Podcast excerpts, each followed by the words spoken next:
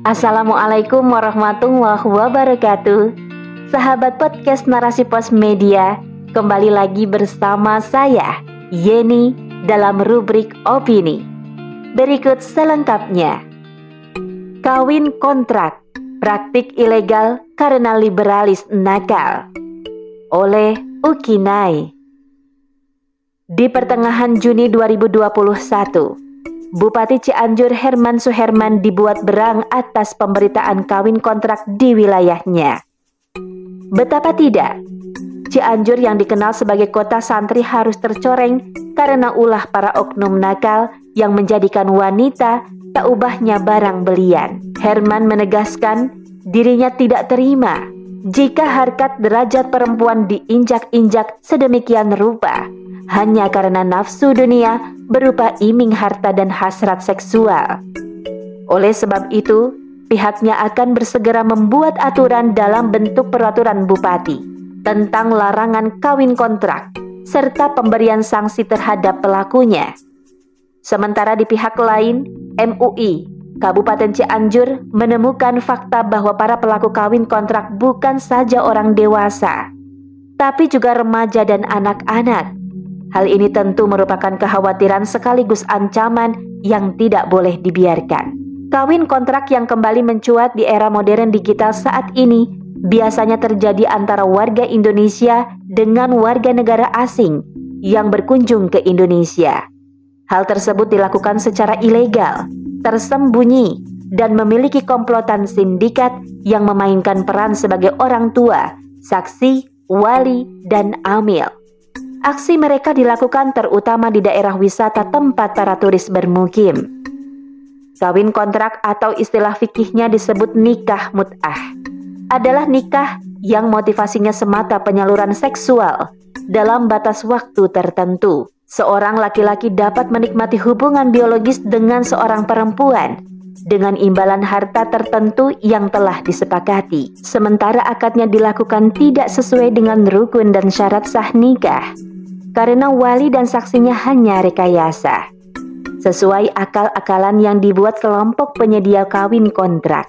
Praktik keharaman ini meniadakan tujuan pernikahan yang sebenarnya, yakni untuk membangun mahligai rumah tangga yang permanen, melestarikan keturunan, serta melestarikan umat manusia. Bahkan pemahaman bahwa nikah itu bukan sekedar menghalalkan hubungan seksual, tapi sebagai sarana ketaatan kepada Allah Subhanahu wa taala tidak tercermin dari pelaku kawin kontrak. Kawin kontrak yang terjadi saat ini tak ubahnya prostitusi terselubung dengan kedok nikah. Para perempuan disajikan sebagai seks provider. Setelah tubuhnya dinikmati, ditinggalkan begitu saja, bahkan tak sedikit menyimpan trauma dan dampak sosial, seperti kekerasan seksual, hamil, ketidakjelasan status baik secara sosial atau hukum. Pada hakikatnya, kawin kontrak atau prostitusi terselubung yang terjadi di Cianjur atau kawasan puncak Bogor karena disebabkan jauhnya individu dari pemahaman syariat Islam yang diadopsi masyarakat melalui aturan negara. Cara pandang kapitalistik sekuleris telah meniadakan konsep halal haram dan baik buruk sebagaimana arahan Islam. Pelakunya lebih mengedepankan keuntungan secara materi ketimbang memperhatikan tuntutan agama. Maka selama negara masih mengadopsi aturan sekuleris kapitalisme, praktik asusila semisal kawin kontrak sulit dihapuskan. Akan selalu ada laki-laki dengan uangnya memperdaya kaum perempuan yang pemikirannya pun telah teracuni gaya hedonis materialistik. Sebelum Islam datang, Tradisi kawin kontrak atau nikah mut'ah memang telah menjadi tradisi di muka bumi, termasuk di Jazirah Arab saat Islam diturunkan. Bahkan praktik nikah ini masih terjadi di masa Rasulullah Shallallahu Alaihi Wasallam, yakni masa transisi dari masyarakat jahiliyah ke masyarakat Islam. Saat itu, apabila kaum muslimin melakukan perjalanan jauh dan bermukim di suatu daerah mereka menikahi wanita setempat untuk menjaga harta dan melayani kebutuhannya. Kondisi lainnya ketika perang, para tentara melakukan nikah mut'ah guna menghindarkan diri dari penyimpangan atau zina. Namun pada saat Futuh Makkah 8 Hijriah atau 630 Masehi, Rasulullah Shallallahu Alaihi Wasallam mengharamkan nikah mut'ah. Menurut Ibnu Hajar al Asqalani dalam kitabnya Fatul Bari menjelaskan bahwa kebolehan nikah mut'ah sudah terhapus atau mansuk. Hal ini berdasarkan riwayat Ar-Rabi' bin Sabrah al-Juhani dari ayahnya bahwa Rasulullah Shallallahu Alaihi Wasallam telah bersabda, "Wahai manusia, dahulu aku mengizinkan kamu nikah mut'ah. Ketahuilah bahwa Allah Subhanahu wa Ta'ala telah mengharamkannya sampai hari kiamat." Hadis riwayat Muslim. Umar bin Khattab radhiyallahu anhu menyebut nikah mut'ah itu sebagai tindak kemungkaran. Pelakunya dirajam karena sama dengan pelaku zina. Di kalangan ulama mazhab, mereka pun bersepakat bahwa nikah mut'ah hukumnya haram dan batil. Pelakunya sama dengan pezina, sebagaimana Allah Subhanahu wa taala telah menyatakan secara tegas di dalam Al-Qur'an tentang had zina. Baik laki-laki atau perempuan, termasuk juga larangan mendekati zina. Dan janganlah kamu mendekati zina. Zina itu sungguh suatu perbuatan keji dan suatu jalan yang buruk. Terjemah Quran Surat Al-Isra ayat 32 Dalam ayat yang lain Allah Azza wa Jalla juga berfirman Pezina perempuan dan pezina laki-laki deralah masing-masing keduanya seratus kali dan janganlah rasa belas kasihan kepada keduanya mencegah kamu untuk menjalankan agama Allah.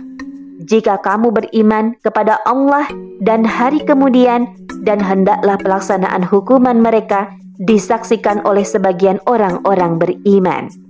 Terjemah Quran Surat An-Nur ayat 2 Berdasarkan ketegasan serta ancaman yang termaktub dalam ayat tersebut, maka praktik kawin kontrak saat ini bukanlah tradisi Islam.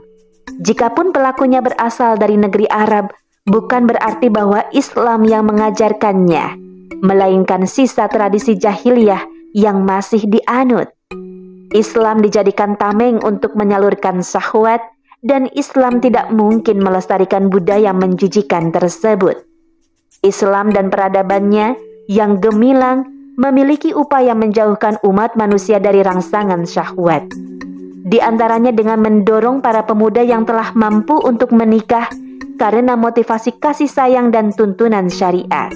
Sebab pernikahan yang sesungguhnya adalah untuk menjaga kemuliaan, bukan pemuas nafsu. Melalui pernikahan, seorang laki-laki akan terjaga pandangannya, kemaluannya, dan garis keturunannya Begitu pula seorang wanita, melalui pernikahan akan terjamin harkat martabatnya, terjaga kemaluannya, dan suci nasab keturunannya.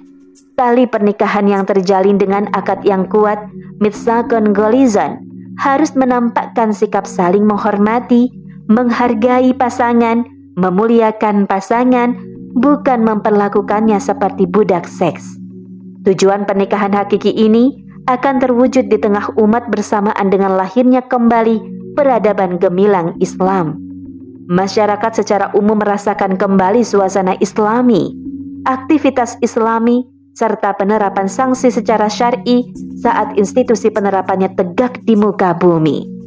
Secara otomatis, praktik hedonis, materialistik, liberalistik akan tumbang hingga ke akarnya.